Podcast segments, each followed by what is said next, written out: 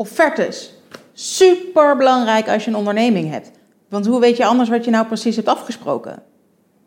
Maar wat moet er dan precies in zo'n offerte staan om er een juridisch correcte offerte van te maken? Daar gaan we het over hebben vandaag. Charlotte, de social media jurist van Nederland. Offertes zijn dus super belangrijk als je een onderneming hebt. Je kunt bijna niet zonder. Een offerte is namelijk gewoon je aanbod op schrift. Kijk, als je een webwinkel hebt, ja, dan staat alles gewoon op je website. Hoef je er helemaal niks aan te doen. Iemand klikt op bestellen, klaar is Kees. Zelf wel even goed opletten dat die prijzen goed staan. Is alles een paar keer fout gegaan met uh, websitejes die bijvoorbeeld stapelbedden, kinderbedden voor veel te weinig wegdeden. Of uh, tv's voor 99 euro te koop aanboden. Komt dan later allemaal wel weer goed, maar wel pas na een rechtszaak. Wil jij voorkomen. Goed, offerte dus. Wil je ook rechtszaken mee voorkomen. Het gaat erom dat jij een goed aanbod doet. Een offerte is juridisch helemaal niet verplicht. Als jij zonder een offerte wil werken, veel plezier, ga vooral je gang. Maar het probleem is dan vooral dat je meestal een mondelinge overeenkomst krijgt.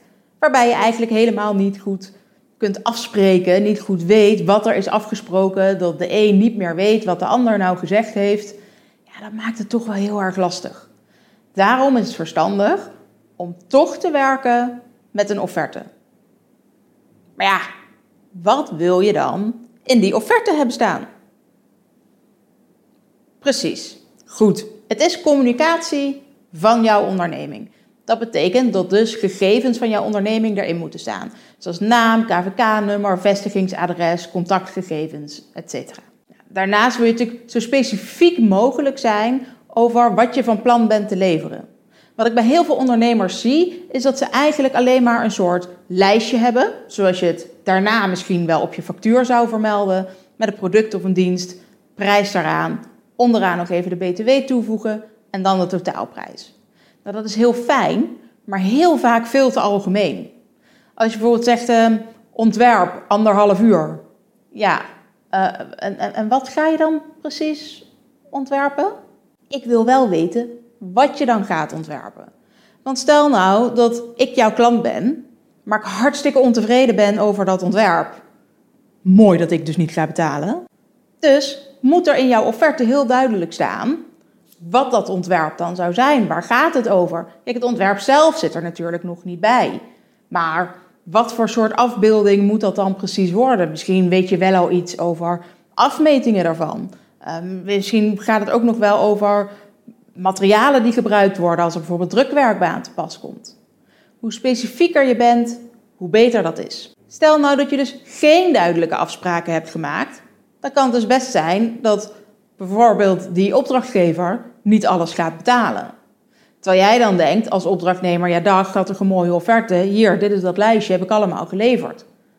Maar dat die opdrachtgever zegt, ja, maar op deze manier hadden we dat niet afgesproken, want we hadden eigenlijk bedoeld dit en dit en zus en zo. Dat heb je dan verkeerd onthouden, eh, er is miscommunicatie geweest.